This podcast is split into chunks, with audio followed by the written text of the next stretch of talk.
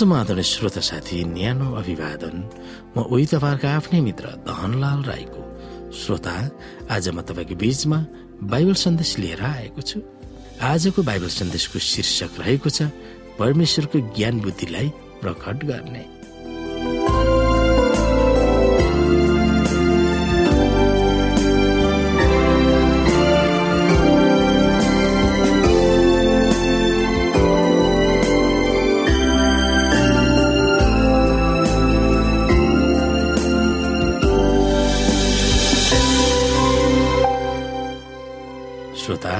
आजको अध्याय एफएसी तीन अध्यायको सातदेखि तेह्रमा रहेर हामी कुरा गर्छौँ। यहाँ परमेश्वरको बारेमा र परमेश्वरको क्रियाकलापको बारेमा पावलले बताउँदछन्।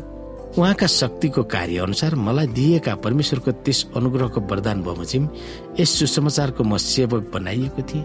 सबै सन्तहरूमा म अत्यन्त तुच्छ भए तापनि ख्रिसको अगम्य सम्पत्तिको सुसमाचार अन्य जातिहरूलाई प्रचार गरौँ भनेर मलाई यो अनुग्रह दियो। सबै कुरा सिर्जन हुने परमेश्वरका युग युगदेखि लुप्त रहेका रहस्यको योजना के हो? सो सबै मानिसलाई खुलस्त गराउने अनुग्रह मलाई दिइयो। ताकि यसरी मण्डलीद्वारा परमेश्वरको विभिन्न किसिमका ज्ञान स्वर्गीय स्थानहरूमा शासकहरू र अख्तियारवालाहरूका माझमा प्रकट गरियोस्। यो चाहिँ ख्रिस यसु हाम्रा प्रभुमा उहाँले पूरा गर्नुभएको अनन्त उद्देश्य अनुसार थियो। उहाँमाथि राखिएको हाम्रो विश्वासद्वारा साहस र दृढ भरोसामा हामी परमेश्वरमा प्रवेश पाउँछौ। यसै कारण म तिमीहरूलाई निवेदन गर्दछु कि तिमीहरूका निम्ति मैले भोगिरहेको कष्टमा तिमीहरू हताश नहो। यी तिमीहरूका गौरवहरू हुन्। परमेश्वरको अनुग्रहको वरदानले सेवक हुन पाएको हुँ भनेर पावलले दावी गर्छन्। यो उपहार सुसमाचार जस्तै हो। यो पाउने व्यक्ति यज्ञ भएकोले होइन तर परमेश्वरको अनुग्रहले उपलब्ध गराइएको हो। आफू अयोग्य भएको र सन्तहरूभन्दा अति निज भएको भनेर आफ्नो बारेमा भन्दै आफू योग्य भएकोले त्यो उपहार पाएको होइन भनेर पुष्टि गर्दछन्। बाबाले आफूलाई कसरी बुझेका थिए भनेर उनले घतलाग्दो छ। जुन रूपमा उनले पत्रहरू लेखे र क्रममा लेखे त्यो हामीले बुझ्न असल छ। सुरुमा आफूलाई नै परमेश्वरले प्रेरित हुन छान्नु भएको थियो।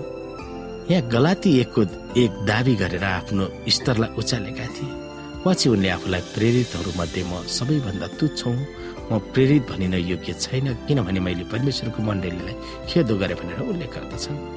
कुरन्थीको पुस्तक पन्ध्र अध्यायको नौ एफिसीको तिनको आठमा उनले आफूलाई सबै सन्तहरूको तुच्छ भएको देखाउँछन्। सबै सन्तहरूभन्दा तुच्छ भएको देख्दछन्। अनि अन्तमा उनले आफूलाई पापीहरूको मुख्य वा सरदार हो भनेर आफ्नो बारेमा बताउँछन्।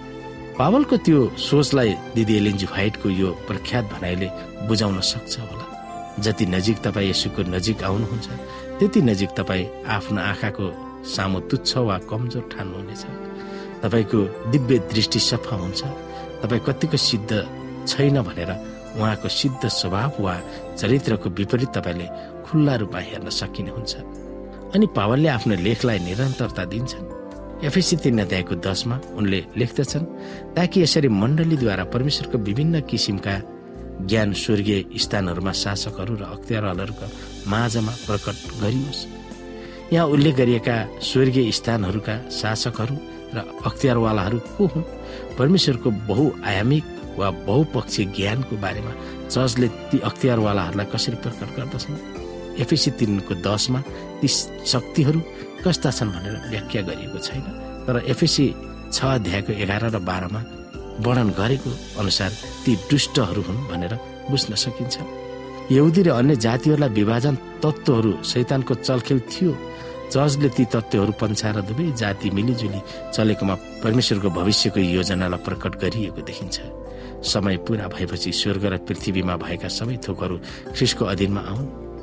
यस संसारमा चर्चको अस्तित्वले यो प्रकट गरेको थियो। परमेश्वरको योजना साकार हुँदैछ र ती अन्धकारका शक्तिहरूको विनाश निश्चित छ। चर्चमा भएका एकताले नै शैतान र उसका मतियारहरूलाई अन्त्यमा हराइरहनेछ भन्ने प्रमाणित गरिएको छ। एफएसी तिर्ने अध्यायको दसमा पावलको कामको बारेमा बताइएको तपाईँको चर्चमा कतिको लागू भइरहेको छ? तपाईँको चर्चमा एकता ल्याउन तपाईँ र विश्वासीहरूको भूमिका के छ जसले गर्दा दुष्टका शक्तिहरू समाजहरू मात्र होइन। सबै मानिसहरूको सामु परमेश्वरको ज्ञानहरू प्रकट भइरहेको देखाउँछ। त्यो विषयमा हामी सोच्न सक्दछौँ।